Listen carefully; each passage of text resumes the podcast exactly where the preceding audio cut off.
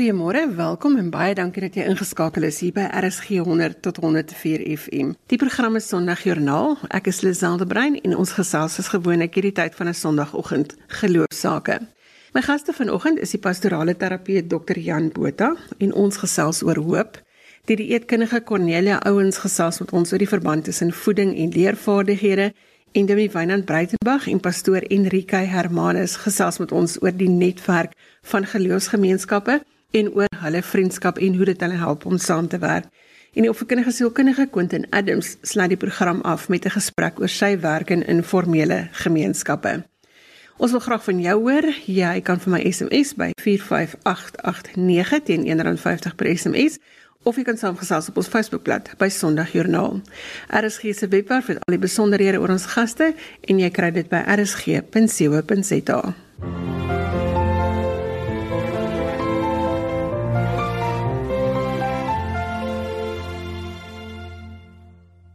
Dimi Jan Botha is 'n pastorale terapeut van Pretoria en ons gesels vanoggend oor die tema van hoop. Goeiemôre Jan. Goeiemôre Lisel, luisteraars, dit is lekker om weer 'n bietjie te gesels. As ek so luister na al die gesprekke in hierdie tyd op sosiale media en mense met wie ons gesels, dan hoor ek mense wat hoopvol is, baie hoopvol is, en maar ek hoor ook mense wat geen hoop het nie, wat net sê hulle sien nie hoe ons hier uit gaan kom nie. Hoe moet ons oor hoop in hierdie tyd dink?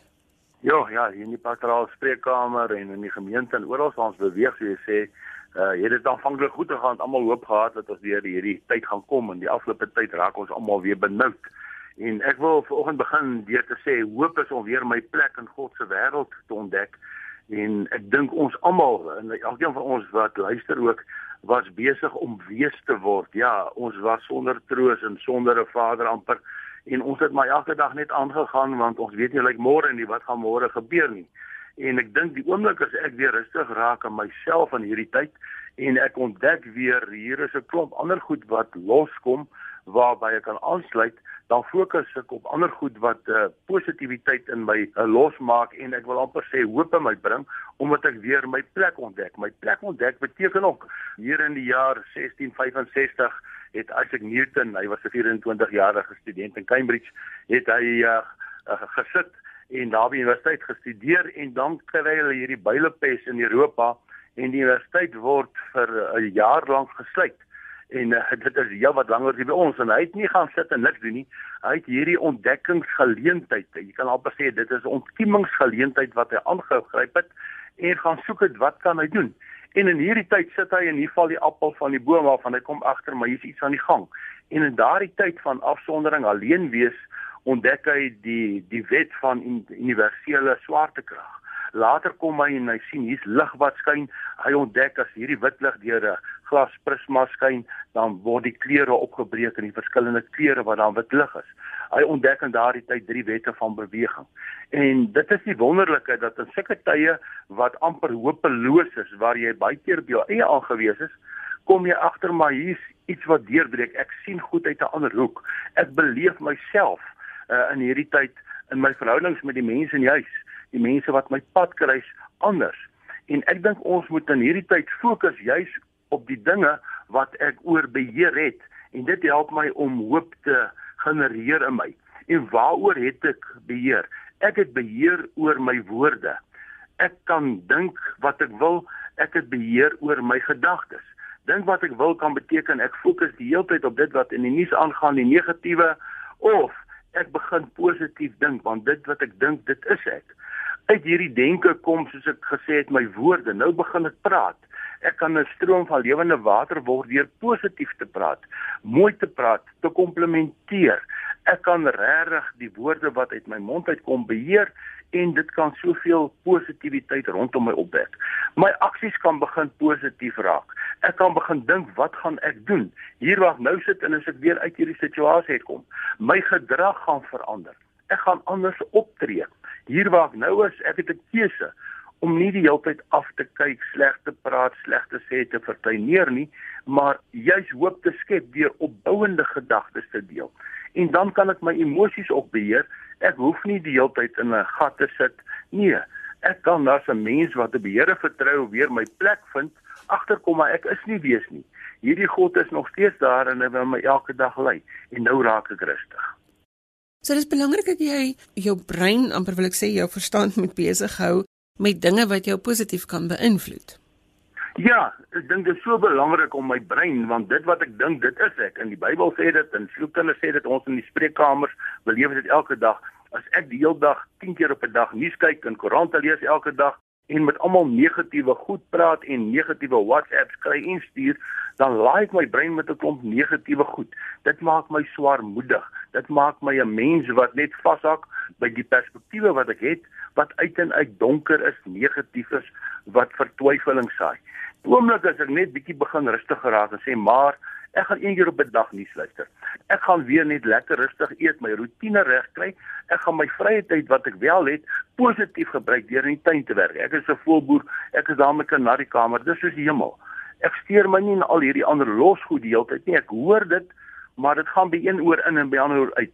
Ek maak 'n keuse, doelbewuste keuse om my nie op te hou met die negatiewe nie. Die oomblik as ek hierdie positiewe indrink, ek maak weer oordentlik tyd om Bybelstudie te hou, te hoor wat die Here sê. In ons gesin praat ons weer oor hoe ons dink en hoe ons voel. Ons gee weer geleentheid om 'n veilige ruimte te skep hier waar ek alleen is, hier wat ons as enkel ouer met my kind saam is op 'n gesin, 'n hersaamgestelde gesin, selfs daar by die werk dink ek, wat baie mense vir terug gaan werk toe, kan ons kom en sê, kom ons werk anderste. Kom ons werk positief. Kom ons deel die ek wil amper sê die wonderwerke. Hierdie ontkiemingstydperk, dit wat gebeur het toe jy by die huis was. Sê bietjie wat het jy gedoen positief. En deur hierdie stories van hoop te vertel, ontwikkel ons al meer hoop. Kom daar positiewe goed los.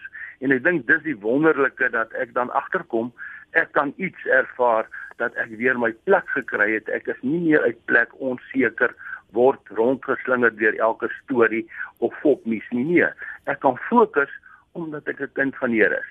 Interessant, iemand het gesê die virus het ons kerke gesluit. Dis waar. Ons kerke staan toe. Jare gelede in die jaar 586 in Israel se ou geskiedenis is die tempel platgeslaan en Israel gewonder waar's die Here? Hy's weg. Hy's nie meer in die tempel nie. In die jaar 70 na Christus word die tempel weer na Christus platgeslaan en weer eens kom hierdie mense en wonder waar's God? Ons kerke, ons Mootvallei staan leeg, maar die wonderlike is in elke huis, daar waar ek en jy saam vergader, God teenwoordig. En dit is plekke van hoop, ruimtes van hoop, veilige ruimtes wat ons kan skep vir mekaar, vir ander en nou by die werk is ons teruggaan vir self, self mense wat saam met ons werk en vreemdelinge. En dit bring die boodskap terug. Daar is altyd hoop. Jan, kom ons trek gou 'n lyn tussen dankbaarheid en hoop. Ja, ek dink dit is amper 'n tweeling. As jy hoopvol is, dan is jy altyd dankbaar. Dan as jy dankbaar, dan glimlag jy. En ek dink dis die wonderlike ou Paulus sit in die tronk, hy en Silas en hulle sing. En ten spyte van omstandighede, ten spyte van moeilike tye, is daar 'n stuk blydskap, want ek weet alles gaan verby. Hierdie ding waarin ek my nou bevind, hierdie krisis wat ek die eerste keer en miskien die laaste keer in ons lewenstyd gaan beleef, gaan iewers verby raak, gaan ligter word. En daarom moet ek hierdie blydskap toon deur te sê Here, dankie. Dankie vir hierdie unieke geleentheid wat saaityd is, ontkiemingstyd is waar nuwe dinge kan ontwikkel. Help my dat ek dit sal sien as 'n ontdekkingsreis. In die oomblik as ek dit so sien en hierdie blydskap kom los, dan smeer dit af aan mense wat my pad kruis, daar by die huis, daar by die werk, in die verkeer en waar jy môre winkel toe gaan en dit is 'n leefwyse. Die twee dinge gaan saam. As daar hoop is, is daar blydskap. Maar baie keer is jy self in 'n hopelose situasie. Dis die ouens in die tronk wat ek net gesê het, dan kan ek nog hierdie innerlike blydskap hier binne in my wat oorborrel beleef, want ek weet God is die bron van hoop. En daardie mooi gedeelte in Romeine 15 eh, vers 13 mag God die bron van hoop. En ek dink dis waaroor dit gaan. Wat gee hy vir ons vreugde, blydskap. En dit kom deur die werking van die Heilige Gees. En dit kan ons maar net toebid vir elkeen wat inluister, elkeen wat daar moeilikheid beleef, maar ook weet deur hierdie seer krisis, deur al hierdie uitdagings, is daar hoop, is daar blydskap en daarom ons moet daarop fokus en dit afsmeer aan ander mense en ook vir hulle weer hoop en blydskap laat beleef. Dit is gesels met Jan Botha, hy pastorale terapeut van Pretoria en ons het vanoggend gesels oor die tema van hoop. Dankie Jan dat jy vir ons 'n bietjie geïnspireer het vanoggend. Baie dankie. Luisteraars, uh, Lisel kom ons maak dit ons eie en ons kry ons plek terug.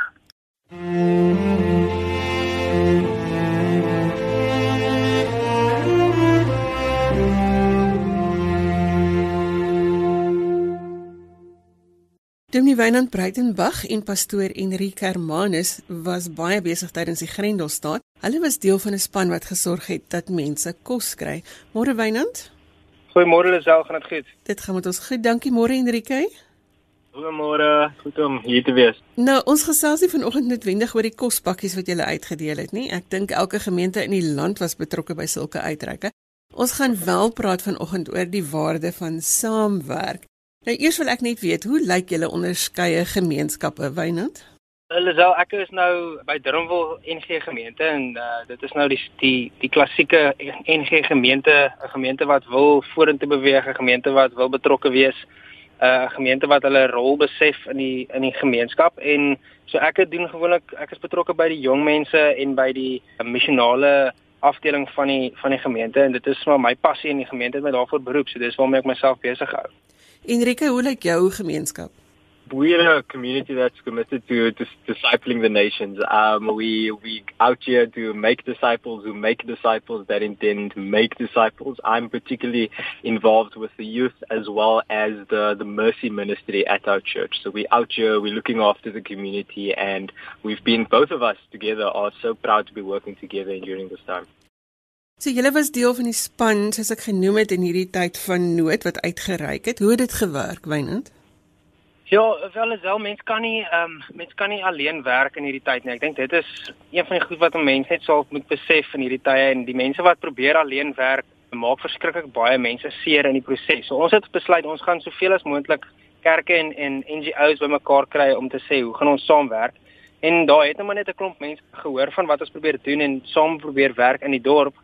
So dit was dit was eers 'n beweging wat gekom het uit die kerke uit wat gesê het okay, ons wil oor grense werk. So Ehm um, ek en Enrique is vriende en hy is by Elsa daai uh, Christen gemeenskap en uh, het ons besluit nee, maar ons kan nie hierdie ding alleen doen nie. Ons het eintlik het hy my gebel vir 'n koffie en gesê luister so Wynand, ek kan nie hierdie sonder jou doen nie. En ek het vir hom gesê ek wil dit sonder jou doen nie. En toe het ons saam besluit maar nou dan gaan ons nou probeer om net so 'n paar pakkies kos ten minste uit te deel. En so het dit gegroei dat dit nou omtrent so meer as 5 uh, geloofsgemeenskappe is wat saamwerk en ook meer as twee NGO's wat saam met ons uh, hande vat en ook die plaaslike spar het ingeklim en gesê luister hierso hier is ons fasiliteite hierso is ons plek om te kom pak uh, gebruik ons uh, soos wat ons julle kan help. En ons het net regtig besef dat dit is hoe dit moet gebeur. Dit, dit ons bereik uh, soveel meer mense en ook kom ons agter dat die gemeenskappe waaruit dit uitvloei die netwerke groei ook saam nou. Ons is ook nou bereid en gewillig en kan nie wag om in die toekoms ook saam te werk nie net nou in hierdie tyd nie Enrique, hoekom dink jy is dit so belangrik dat geloofsgemeenskappe as 'n netwerk saam moet funksioneer? I think it's exceptionally important because the church ought to be an example here on earth for what it looks like when the kingdom of God is manifested. And by kingdom, I don't mean a realm way it's supposed to look, but I mean a reign. What does it look like for the reign of God to be manifested in a community? And that the kingdom of God to me looks like looks like a lot of love, it looks like a lot of fellowship, it looks like a lot of communities working together for the glorification of God.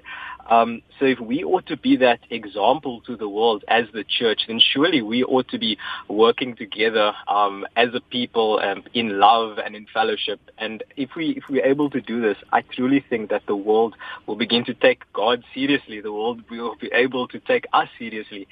And with that, we'll be able to be example to the world of how life ought to be lived. Enrique, en hoe maklik was dit om hierdie netwerk bymekaar te bring? Is is dit was dit so maklik dat jy het vir Wynand gesê hoor, kom ons werk saam? Something that's very important to myself uh, as well as Vainat is that everything needs to be done of the basis of relationship. I think our God is a relational God and I think he wants us to work together relationally. So what's definitely helped myself and Vainat a lot is the friendship that we have with each other and literally every role player that's involved here, we tell them, look here, uh, we first want to be your friend before we want to be your work colleague. Uh, to us, uh, community and relationship is important. Uh, uh, but God wants us to fellowship together. God wants to get to know us for who we are as opposed to what we can do. And I think we ought to model those same relationships with other people. Wynand, as ek vir 'n oomblik kan stil staan by dankbaarheid, wat is julle gedagtes hieroor? Ja, ek dink ek het ehm um, ek hierdie vraag is baie interessant om te vra in 'n tyd soos hierdie want ek dink wat ek eerstens besef wanneer ek dink aan dankbaarheid is dat Uh ek het of iets wat ek van tevore nie gehad het nie en dan het ek dan is ek dankbaar of ek het iets wat iemand anders nie het nie en dan is ek dankbaar. Maar ek dink dit is dit dit is veel meer as net as net dit en maar vir meeste van ons wat nou dalk luister uh kom dankbaarheid eers wanneer ek besef ek het iets. Ehm um, of ek het iets ontvang of ek het iets gekry of wat ook al. En dan wil ek definitief sê dankbaarheid is 'n werkwoord. Dankbaarheid is nie 'n um, is net nie net 'n gevoel wat ek kan kry en dit kan geniet my warm bed, my warm stort, my kos wat ek kan eet nie. Dis nie net 'n dis nie net daai gevoel wat ek kry nie. Dis ook 'n uitwaartse wegdraai van myself en om te gee van dit wat ek ontvang het. Uh ek dink dit is wat wat ek ervaar rondom dankbaarheid in hierdie tyd is dat 'n klomp mense besef wat hulle het en hulle bevoordeeldheid, hulle soos wat die uh, mense gesê het, die hulle privilege. Ehm um, en wat doen ons met wat doen ons met dit? Dit is wat dankbaarheid vir my is, is om te sê hoe gee ek van myself weg? Dis ook wat ek leer in die Bybel en in Jesus se storie is hoe gee ek van myself weg vanuit daai plek van dankbaarheid? Want iets wat ek besef wanneer ek met dankbaarheid uh, aan dankbaarheid dink is dat dit is nie dankbaarheid as my ego betrokke is nie. Dit is nie dankbaarheid as ek net bly by die plek van ek het nou iets wat jy nie het nie. Dankbaarheid is eintlik daai uitvloei van van dit wat ons het om te deel en met mekaar en dit gaan dit is dalk baie moeilik. Ek wou nog aangesluit het by die vorige vraag om te sê dat dit is vir ons albei baie maklik om saam te werk, maar Enrique reël met sy mense by sy kerk en hanteer 'n klomp admin binne in dit en ek weer by my kant wat dit moeilik maak is uh ons moet nou dit doen uit dankbaarheid. So dankbaarheid is eintlik die ding wat ons gedryf het om te kan sê maar die moeilike goeders wat kom, gaan ons uh gaan ons kan hanteer as gevolg van dit wat ons weet ons het ons kan gee.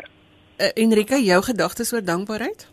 when when I think of that, it, it reminds me of a book I recently read, uh, Viktor Frankl's Man's Search for Meaning. Uh, and Viktor Frankl was a was a Holocaust survivor, so obviously he experienced suffering like none of us can believe.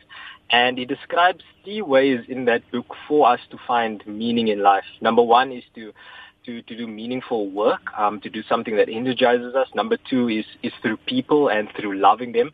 And the third one is quite surprising. It's through suffering honorably through unavoidable suffering. And particularly the season we find ourselves now in, it's, it's unavoidable. It's we, we're all in it together.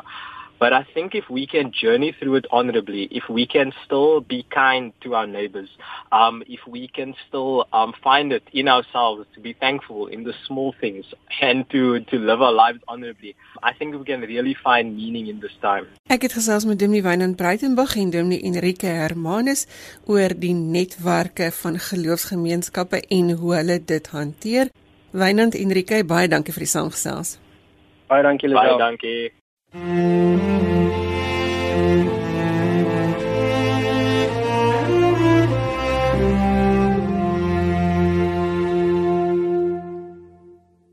is ek dankbaar vir die asem wat ek op my lippe kan voel. Stuur vir ons 'n SMS. Ek wil weet waarvoor jy dankbaar is. Die nommer is 45889.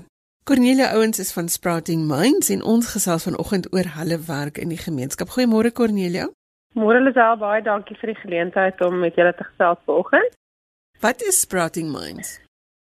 Goed, so Sprouting Minds is 'n organisasie wat ek en 'n vriendin van my so 5 jaar terug begin het. So ek was op daai stadium 'n dosent by die Universiteit van Stellenbosch en sy was 'n student.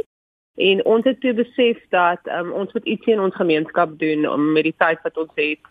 Ons het toe besluit dat ons wou baie graag begin kyk na die voeding van die kinders in Durbanville en die groter Durbanville area.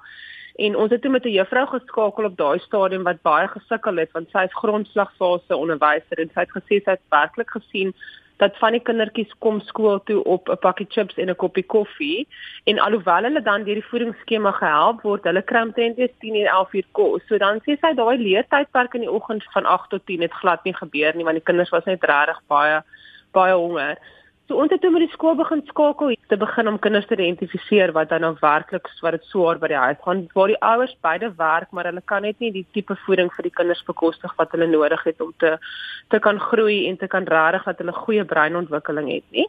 En so het ons toe nou 'n voedingsskema by die skool onafhanklik van die staatse voedingsskema begin waar ons die grondslagfase kinders ontbyt gee. Dit was ook dit is ook vir ons baie belangrik omdat ons weet kinders is dat dit nie net um, hulle magies moet volmaak nie, maar dit moet werklik voeding wees wat hulle breinontwikkeling stimuleer En die juffrou het vir ons gesê na nou, net 'n kwartaal, 3 of 4 maande kon hulle al klaar die verskil sien. Die kinders wat hulle voorheen gesê het het aandag afleibaarheid probleme het begin settle en begin beter beter presteer, beter oplet net omdat hulle nie meer honger is nie. En ehm um, die kindertjies wat ons toe mee begin het in graad R 4 jaar terug wat nou uit die grondslagfase is, doen aansienlik beter. Nie almal van hulle nie, maar uh, die meerderheid van hulle het werklik ehm, ehm, 'n um, 'n um, positiewe ding getoon. Cornelia, hoe het hierdie grendeltyd julle beïnvloed met dit wat julle doen? So wat toe nou sleg was van Grendeltyd is omdat baie van hierdie kinders afhanklik is van die voedingsskemas in die skool, so beide die staatse voedingsskema en ons voedingsskema. Ehm um, het ons besef hulle gaan nie in hierdie Grendeltyd per kos kry nie. So ons voer reeds die kinders tydens die vakansietye ook waar hulle na die skool toe kom Maar die grendeltyd het ons besef gaan ons baie ernstige probleme opdoen want die kinders kry nie kos nie. So ons het toe saam met Wynand en Enrique van twee kerke besluit of hulle het eintlik dit eers besluit en ons het toe 'n week of so daarna om saam met hulle gesmeld om te begin om hierdie kinders te begin kos gee by die skool maar ook om hulle huislike omstandighede bietjie te verander deur om vir hulle gebalanseerde voedselpakkies bymekaar te sit. So dis toe nou eintlik waar dit begin het. Hoe belangrik is hierdie netwerk ding vir jou? Maak dit 'n verskil? So netwerke toe is my nou vroeër vra oor netwerke, moet ek eintlik 'n bietjie gaan dink het want netwerke het nou op hierdie stadium vir ons twee bene. So die een been van die netwerk is om regtig met mense te netwerk wat die werk fisies self doen en dan die mense wat die donateurs is en wat geld gee.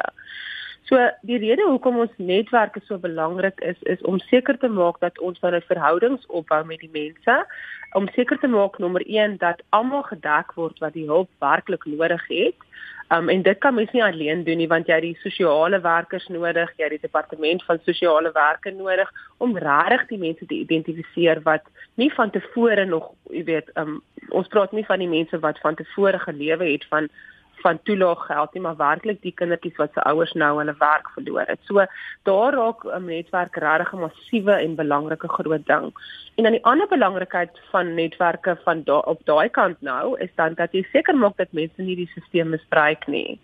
So alhoewel daar nog steeds mense is wat dan nou kospakkies by een of twee verskillende organisasies kry, het ons werklik besluit dat ons gaan moet netwerk met mekaar om seker te maak dat dit nie gebeur nie. Want as dit gebeur, dan bereik jy nie almal wat um, dit nodig het nie en daar's mense wat dan nou ongelukkig meer kry en dit veroorsaak baie striwelinge binne in gemeenskappe.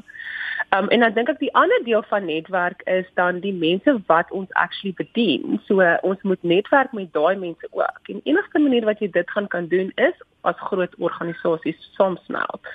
So vir ons is dit ons is 'n NPO wat saamgesmelt het met 'n charismatiese kerk en 'n NG kerk en dan vreeslik baie kerke in Durban wil wat begin saamsmelt het en begin netwerk het om werklik 'n verhouding met die mense op die grond te begin bou sodat ons lanktermyn ook met hulle kan werk. So ek dink as daai netwerk nie bestaan nie en jy gaan byvoorbeeld nou net sop uitdeel, dan is daar geen verhouding bou met die mense nie. Wat beteken ons kan hulle nie lanktermyn help nie. So ons wat nou saamgesmelt het met die kerke wat reeds die straatmense ken, ehm um, Durbanville gemeente en Elshadai wat baie op die grond werk, ken die plaasmense, hulle omstandighede en dan doen jou kospakkie nie meer nie meer sleg nie want om 'n kospakkie uit te deel kan ook die mense beskadig. Jy kan ook maak dat hulle afhanklik nou hiervan raak wat ons nie wil hê nie. Ons wil werklik deur ons netwerke 'n verhouding bou met die mense wat die kospakkies ontvang sodat mense hulle kan bemagtig in die toekoms. Cornelia, watter rol speel geloof in dit wat jy doen? So ek dink ons is deur geloof saamgesmelt. Um nie net sprouting minds nie, ons was drie baie gelowige mense wat werklik deur die woord die Here se stem gehoor het wat duidelik vir ons opdrag gegee het oor wat ons moet doen met ons lewens en toe ons toe vir Enrika en Wynand van Durbanville gemeente en El Shaddai ontmoet het het ons besef ons hart vir die werk van die Here is regtig dieselfde. So ek dink ons baseer dit wat ons doen op Romeine 12 dat die belangrike ding is nommer 1 dat daar geen mag na ons kant toe moet kom nie. En dit is ook waar die samesmelt vir ons belangrik was ons organisasie wat nie eintlik organisasie is nou nie World, World United waaronder ons nou die kospakkies versprei behoort nie aan enige van ons nie. Dit word bestuur deur ons maar dit word nie dit behoort nie aan ons nie en dit behoort ook dan nou so aan almal. Um, want ek dink baie keer het mense die neiging om dan die eer na jouself te wil vat en meer van jouself te begin dink as wat jy moet. En dan ek dink die res van Romeine 12 sê ook baie vir ons as jy 'n opvoeder is, voed op. As jy 'n geer is, gee. En ek dink daar is so mooi. Baie mense voel hulle is bang om nou uit te gaan en hulle self bloot te stel um, aan die gevare. Um, maar hulle kan gee want hulle is geers. So daar vervul hulle ook hulle hulle rol wat die Here vir hulle in hulle harte gesit het. Ons is doeners en ons is opleiders en ons is teachers is wat hulle sê so daar kan ons ook ons belangrike rol werklik wat die Here op ons harte gedra het. En ons kan ook die woord versprei. Um Wynand en Enrika is baie goed daarmee as ons by mense kom om 'n kospakkie vir hulle te gee deur om met hulle daai gesprek ook te hê. En ons ons is nie skaam om vir mense te sê dat die pakkie wat ons vir jou gee is nie net kos nie dit is ons um, boodskap van geloof en van hoop en van vrede. Nou die Here vir jou raak sien. Hy jou hy gaan jou gebed verhoor as jy hom vra vir vir dit. Daar was een tannie wat vir ons die oggend gesê het dat sy het hardop uitgeroep toe ons die pakkie vir gegee het en gesê het Here, U het my gehoor. En ek dink sulke goed maak ook dat ons um regtig terug staan in nederigheid en besef ons doen die Here se werk. Cornelia, kom ons staan vir 'n oomblik stil by dankbaarheid. Dankbaarheid is 'n moeilike ding. Ehm um, dis 'n persoonlike ding dink ek, maar dit is ook 'n ding wat 'n mens hoop gee vir die toekoms. So ek dink daar's twee twee dele weer eens van dankbaarheid net soos vir daar twee dele van netwerk is. Ek dink baie mense besef in hierdie tydperk hoe dankbaar hulle is nommer 1 vir werk. Dankbaar is vir mense waarvoor jy werk wat mooi na jou omkyk. Ek is dankbaar dat ek waarvoor ek soveel jare nou al my lewe voorberei. Ek voel soos Dawid. Ek het nou eers die, die leeu verslaan en nou kan ek opstaan teen Goliat. So ek is so dankbaar dat die Here my in my lewe voorberei het vir hierdie tydperk dat ek nie nou in sak en as en sonder hoop gaan sit nie en ek dink ons span voel almal so. Hulle voel dat hulle is so dankbaar dat ons iets op hierdie stadium het om te gee. As ek met die mense praat wat vir ons um, ook ekstra kos skenk en geld skenk, is dit die nommer 1 ding wat hulle vir my sê. Omtrent met vuil sonder elke persoon sê vir my, ek is so dankbaar op hierdie stadium dat ek kan gee. En dan om die dankbaarheid in mense se gesigte te sien wanneer jy dit vir hulle gee. Jy weet ons ons probeer regtig om hierdie mense te bemagtig deur om die pakkie vir hulle te gee. Um, en van hulle sê ook vir my, hulle kan nie hulle dankbaarheid eintlik uh jy weet vir ons in woorde deursit nie en nie dankbaarheid vir wat ons doen nie, maar dankbaarheid dat die Here ons almal raak sien dat God elke liewe persoon se gebed op 'n manier gaan um gaan beantwoord en um, hy sê ook in die Bybel vir die mense wat hom liefhet, gaan hy alles ten goeie laat meewerk. En ek dink ons is so dankbaar dat ons dit al vroeg in hierdie Grendel tydperk en die, die virus se situasie kan raak sien. Dat dit absoluut net gaan oor dankbaarheid van alle kante af. En dis die mening van Cornelia Owens van Sprouting Minds. Cornelia, baie dankie dat jy vanoggend saamgesels het. Dis 'n groot plesier, baie dankie.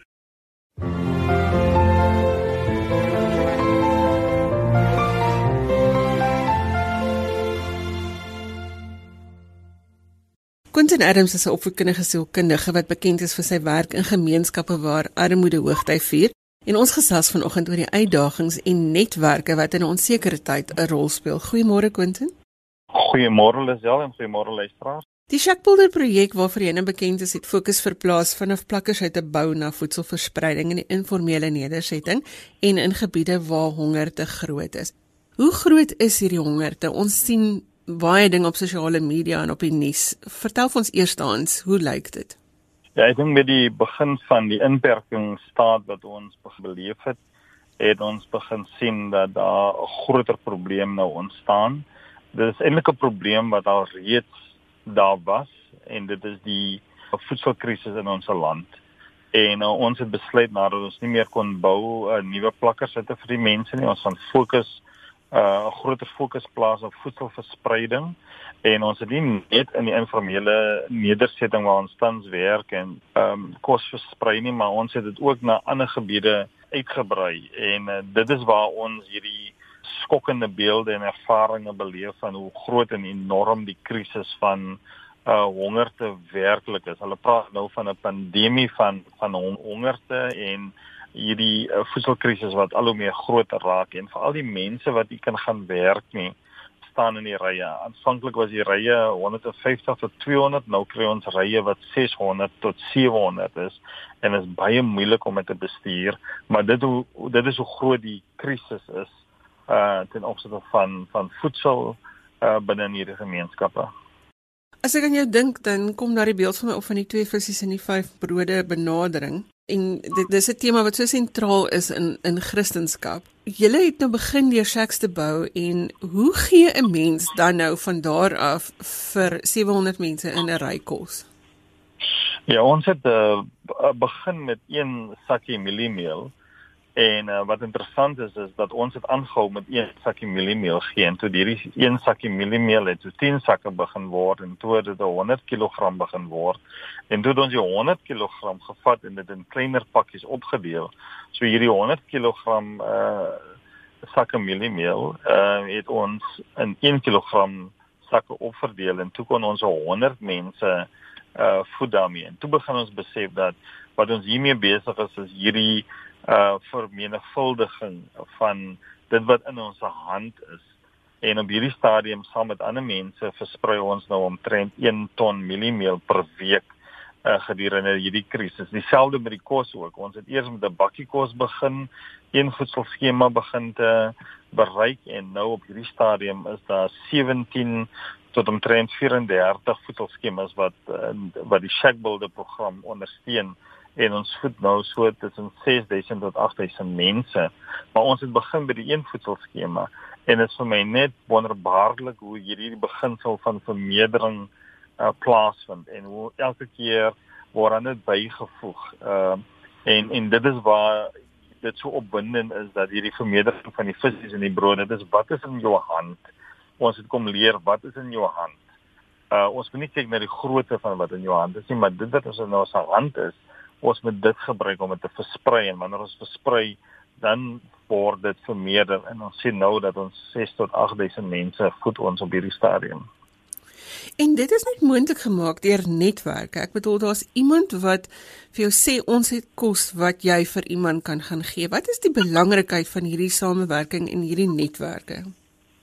Ek moet sê uh gedurende hierdie tydperk is daar so was daar baie negatiewe stories oor die pandemie en die gevare en die sterftes. Maar te midde van dit is daar 'n baie pragtige en mooi storie wat ons vou en dit is dat ons vind uit ons kan nie op ons eie hierdie probleem aanspreek nie. Ons moet goeie netwerke vorm.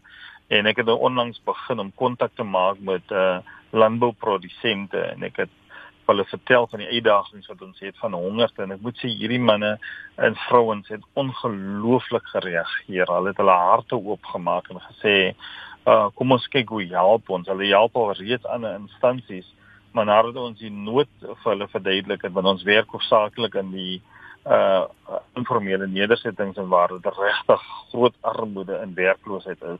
En ons het net gesien dat dis 'n nuwe netwerk, 'n nuwe verhouding wat ontstaan en uh, dit is harte mense, mense wat bereid is om te help. En jy sien hierdie interessante netwerk van die Sopkombuis wat 'n uh, goeie netwerk vorm met die landbouprodusente en uh, dit is 'n ongelooflike pragtige netwerk samewerking en ons sien omgee en deernis wat ontstaan binne in hierdie pandemie. Dit, dit is net 'n ongelooflike en 'n pragtige proses dit brei ook uit. Met ander woorde, jy het kos gekry en en toe moet jy 'n manier kry om dit te vervoer en al hierdie dinge het in plek gevoel. Dit laat my so 'n bietjie dink aan die olie in die kruik wat uh, net aanhou vermeerder het. Vertel ons daarvan. Ja, dit is ongelooflik. Ons het met 'n bakkie kos begin en uh ehm um, donderdag toe ek een van hierdie uh, landelike gebiede uitry toe het ek 'n versekering gekry van 8 ton groente wat ons gaan kry. Uh so ons het die groente gekry en ek het 'n paar vriende gekontak en gesê uh ek het nog nooit in my lewe gedink dat ek 'n 8 ton trok sal moet moet soek en 'n bestuurder in diesel moet soek nie. En uh Saterdag aan toe bel 'n uh, vriendin vir my en sê die die trok is georganiseer, die drywer is georganiseer en die en die diesel is vir ons beskikbaar. En dis 'n verskriklike opwindende gedeelte want ons het begin by uh een een bakkie groente, een sakkie groente. En ek het nooit in my my wildste drome gedink dat uh hierdie komende donderdag gaan ek in 'n 8 ton trok sit, die shackbuilder reg voor in 'n 8 ton trok met groente en om so baie mense te voed daar buite kan en dit. En ek moet net sê dat alles het in plek begin val. Hoe mense het hulle pad uit gaan om seker te maak dat ons nie moet sukkel met met met honger te daar buite nie. En dit is net ongelooflik om te sien hoe die trok in plek val. Die, die bestuurder is en ek het gister die permit uh, gereël. Soos dit die permit nou vir die trok vir die agterton trok en dan gaan ons groente versprei na soveel as moontlik voedselskemas wat werk in hierdie gemeenskappe waar daar groot uitdagings is en dit wys net wat gebeur as almal 'n bydrae lewer. Elkeen uh, lewer 'n bydrae. Elkeen weet wat hy kan doen en wat hy kan bydra. As ons dit uh, kan regkry, dan kan ons hierdie hierdie voedselkrisis kan ons kan ons regtig aanspreek tot op grondvlak. Ek wil gou stil staan by twee konsepte, die konsep van geloof en dankbaarheid. Ek wil net een tree teruggee. Ek wil net sê jy het begin by een mens wat jy wou help om net 'n struktuur te gee dat hulle makliker kon bly. Ehm um, dit was die enigste doelwit gewees en uiteindelik staan ons hier voor hierdie magtige beweging wat 'n klomp mense help nie net met met huisvesting nie maar ook met kos. Watter rol het geloof jou hier ingespeel? Ek moet sê dat jy jy's bewerig, jy's bang uh, aan die begin want dit is groot goed. Dit is dit is 'n dis 'n veld wat jy jy nie weet nie. Jy jy jy was nog nooit daar gewees nie. En en jy moet geloof hê. Jy jy moet stil raak in die oggende. Jy moet bid. Jy moet die Here vertrou. Uh jy moet op sy woord staan om te sê Here asseblief ons het hierdie hierdie ding begin. Ons uh u woord sê ek was honger, ek was naak. Uh help ons en en en dit is die dis die transformasie in die geloofslewe wat plaasvind en is so absoluut belangrik want want hierdie hierdie projek raak nog veel groter. Ek het nooit gedink dit gaan so groot word nie. Uh behalwe die plakkers het en behalwe die kos het uh, voorsien ons ook watertenke. So dit 'n groot operasie geword van een sek tot watervoorsiening, watertenke, uh 8 ton kos en ek moet net sê ek is ek is verskriklik dankbaar vir die deure wat die Here oopmaak en hoe die Here binne in mense se harte werk om te sê ons wil help, ons wil ondersteun. En een van die interessante stellings wat ek uh, gereeld praat oor deesdae is dat momentum momentum is die suurstof van hoop. Al wat moet gebeur is ons moet dit aanhou uh, hierdie geloofstap uh, neem, ons moet dit vorentoe beweeg, ons moet die behoeftes van die mense verstaan. Uh, ons moet nie onnodige beloftes aan hulle maak nie en dan sien ons hoekom mense net hulle begin saam met ons te stap in hierdie stap van geloof en ek is absoluut baie dankbaar vir almal se se se rol wat hulle vervul in hierdie groot proses want dit is 'n pragtige proses van hoe ons uitdruk na mense wat regtig swaar kry in gemeenskappe. En op 'n manier motiveer dit die gemeenskap om dan self in beweging te kom, is ek reg? Ja, van wat gebeur is ons het by die een voedselskema ehm um, was daar aanvanklik net 5 mense gewees. Nou het ons prinsipale, ons het onderwysers, ons het sekuriteit. Uh ons het gister die die die die burgemeester van Kaapstad gehad wat persoonlik kom kyk uh kom kyk het hoe georganiseer is ons voedselskemas want ons kyk byvoorbeeld uh ons sê byvoorbeeld dat uh, skarebeheer is net so belangrik soos die kos as dan nie skare beheer is nie dan beteken dit hierdie kosverspreiding gaan chaoties wees wanorde en geweld. En daarom sal jy sien dat ons is georganiseer daar sosiale distansiering wat wat plaasvind en dit meer mense uh, wil deel vorm daarvan. Want wat gebeur as daar's momentum en die momentum bring hoop vir so baie mense en baie meer mense wil deel word van hierdie beweging en dit is interessant uh die klein dinge wat die mense ook uh, doen. Dis nie net die groot uh, dinge wat, wat wat gebeur nie. Dis hierdie klein bydraes wat mense maak en alles kulmineer in hierdie momentum en sosiale beweging van hoop wat tans gevestig word en daaroor is ons verskriklik uh opgewonde want ons het nie 'n handleiding hoe ons dit doen nie. Uh, elke nuwe proses is 'n is 'n nuwe ervaring uh en en ons is super opgewonde daaroor.